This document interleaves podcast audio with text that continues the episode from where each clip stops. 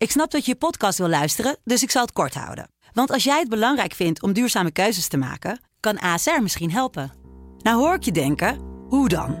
Nou, bijvoorbeeld bij het duurzaam herstellen van schade. Of de premies die we beleggen volgens ons duurzaam beleggingsbeleid. Dat bepaalt waar we wel en juist niet in investeren. Wil je meer weten over welke duurzame keuzes ASR maakt? Ga dan naar asr.nl slash duurzame keuzes. ASR doet het. Zo, dan kan je nu lekker naar je podcast luisteren.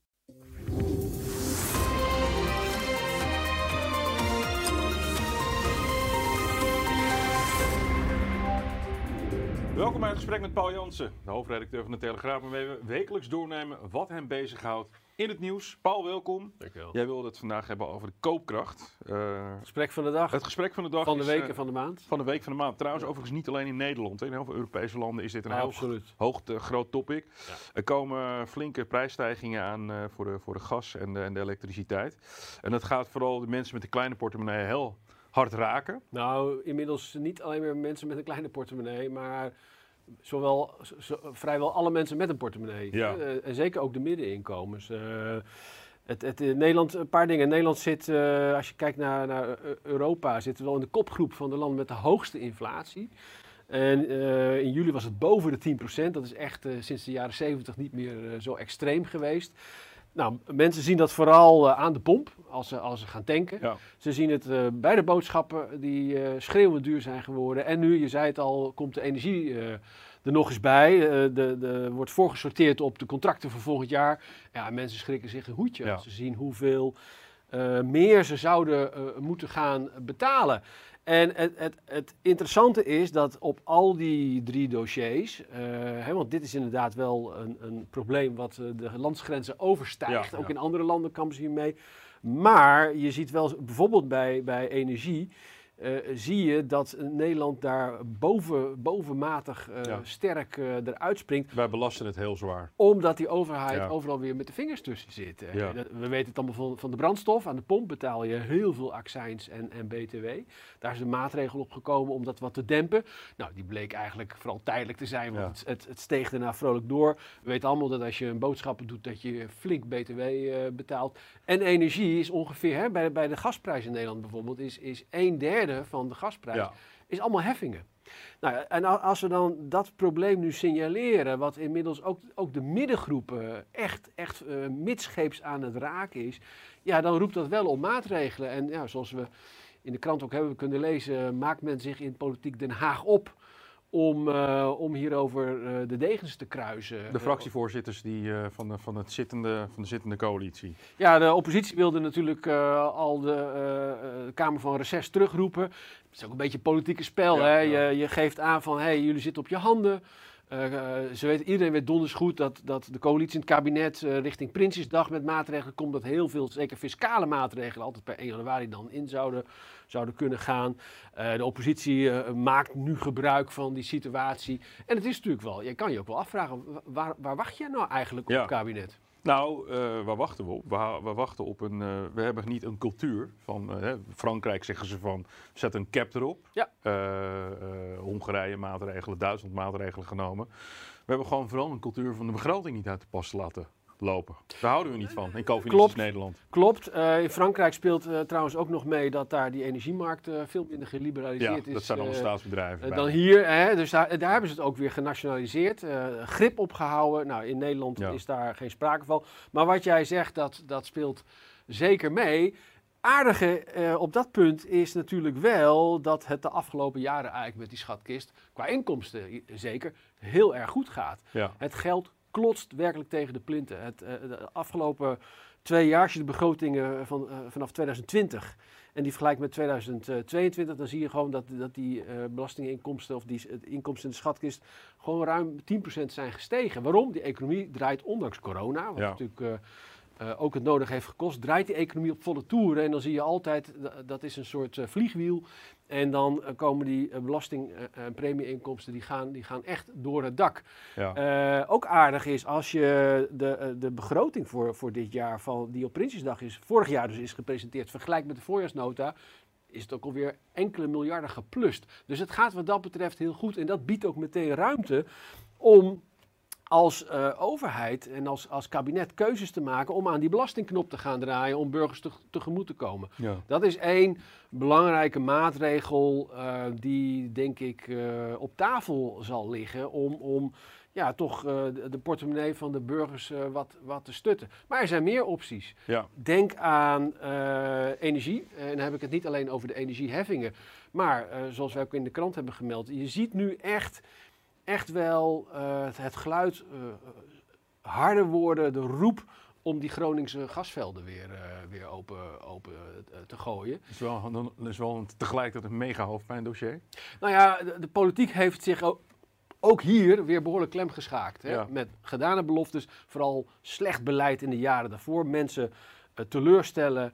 Maar ook uh, Hollandse zuinigheid. Compenseer die burgers in Groningen dan eens fatsoenlijk. En, en dan hadden ze weer regelingen bedacht. En, en dan zat weer een, een, uh, een stop op. Ja. En dan moest je maar rennen als burger om, je, om geld te krijgen. Ja, echt, echt beschamend allemaal. Ja. Nu bleek uit een, uit, uit een peiling van Dagblad van het Noorden dat er zelfs in Groningen zelf redelijk steun is om, om eh, dat, dat eh, Groningse gasveld eh, weer open te gooien. Dat zou een paar problemen heel erg kunnen oplossen. Eh, A, je hebt natuurlijk eh, energie zelf onder de, onder de grond zitten. Daarmee kan je, kan je die kosten drukken. Maar het levert ook nog eens een keer heel veel op. Waarmee je ook nog op andere eh, plekken de, de burgers tegemoet kan, kan komen. En dat geldt ook voor de, de Groningers. Maar die 25.000 huishoudens ongeveer, die jaar in jaar uit met die bevingen te maken hadden. Ja, voor, voor, voor die mensen is, is het natuurlijk een hard gelach Ja. als, er, als er weer teruggekomen zou worden op de belofte om die, die gasbelt eh, daar, eh, daar dicht te gooien.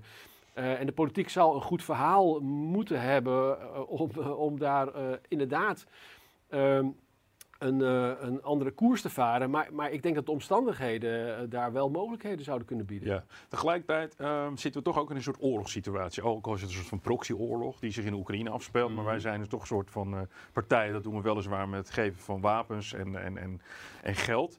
Ehm, het zou ook raar zijn als we, eh, eh, en, en ik heb uit alle respect voor alle middenkomens en de lage inkomens die, die, die het heel zwaar hebben, hè, dat staat buiten kijf.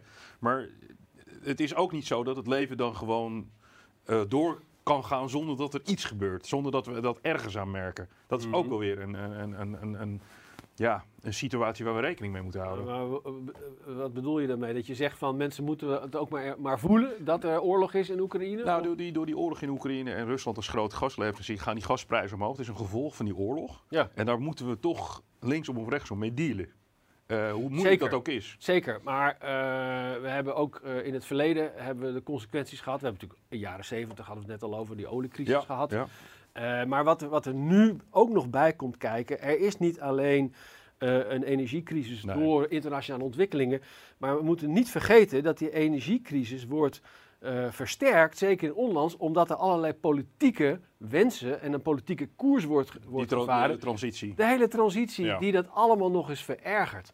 En ehm, een van de vraagstukken die denk ik nu voor ligt de komende weken is in hoeverre zijn de coalitiepartijen, en dat zal met name dan richting D66 worden gekeken, bereid om hun politieke ambities ten aanzien van bijvoorbeeld zo'n energietransitie overboord te gooien. Ja. Of, of misschien op zijn minst te parkeren. Het stikstofpotje is wel wat kleiner gemaakt, hè, geloof ik. Ja, is Ja. wel wat kleiner gemaakt. Maar eh, als, je, als, je, als je ziet hoe, eh, hoeveel geld daar nog steeds eh, geparkeerd staat om, om eh, wat ik dan maar noem een kille sanering van de, van de boerensector eh, door te voeren. Dat zijn nog eh, reusachtige bedragen. Maar in ieder geval, die, die energietransitie, da- die zal opnieuw op tafel. En als, het, als, als Den Haag een beetje realiteitszin heeft, maar ook Ja. politieke lef, dan durven ze daar ook gewoon een pas op de plaats te maken. En misschien wel op besluiten terug te komen. Eén risi ander risico, en wat je hier en daar ook wel ziet, eh, ziet eh, eh, rondgaan, is natuurlijk dat rapport van die ambtenaren, dat deze zomer is gelanceerd. Een merkwaardig rapport, waarin toch weer een balletje wordt opgegooid voor, om die vermogenswaarde te belasten. Ja, ja. Nou, dat klinkt allemaal heel sympathiek natuurlijk, hè, van de, de rijke mensen. ja die... onder andere huizenbezitters. eh, Nou, ja, dat zijn geen rijke mensen hoor, nee, zit Maar hè, de, de, echte, de echte grote vermogens, eh, die worden dan altijd als voorbeeld gesteld. En daar zou je best eh, van kunnen zeggen, nou dat kunnen we eh, wel een beetje afromen. Ja. Om dat via inkomensbelasting terug te geven aan bijvoorbeeld die lage en middeninkomens. Ja. Het probleem is alleen, Wilson, en ik heb het in mijn Haagse jaren keer op keer gezien, dat elke maatregel die je treft alleen om die echte paar procent of 1 procent echt rijke mensen, in dit, in dit geval qua vermogen te pakken, levert gewoon Nee. veel te weinig op. En dus zal, zal- dat soort maatregelen altijd ook grote groepen gaan treffen die het helemaal niet zo breed hebben. Denk bijvoorbeeld aan, aan weer eh, hogere middeninkomens die in een huis eh, wonen eh, waar misschien een deel van de hypotheek inmiddels is afgelost, maar die door de woningkrapte, ook weer een mede gevolg van falend overheidsbeleid, die huizenprijzen zo zijn gestegen dat zij op papier heel rijk zijn. Wat denk je van ouderen? Mensen die eh, onder, al juist aangemoedigd door de overheid ook hun, hun huisschuld hebben afgelost. Ja. Eh, je had vroeger nog zo- zo'n wet Hille bijvoorbeeld, die dat allemaal aanmoedigde. Er is jarenlang geroepen, de hypotheekschuld is te hoog, u moet aflossen.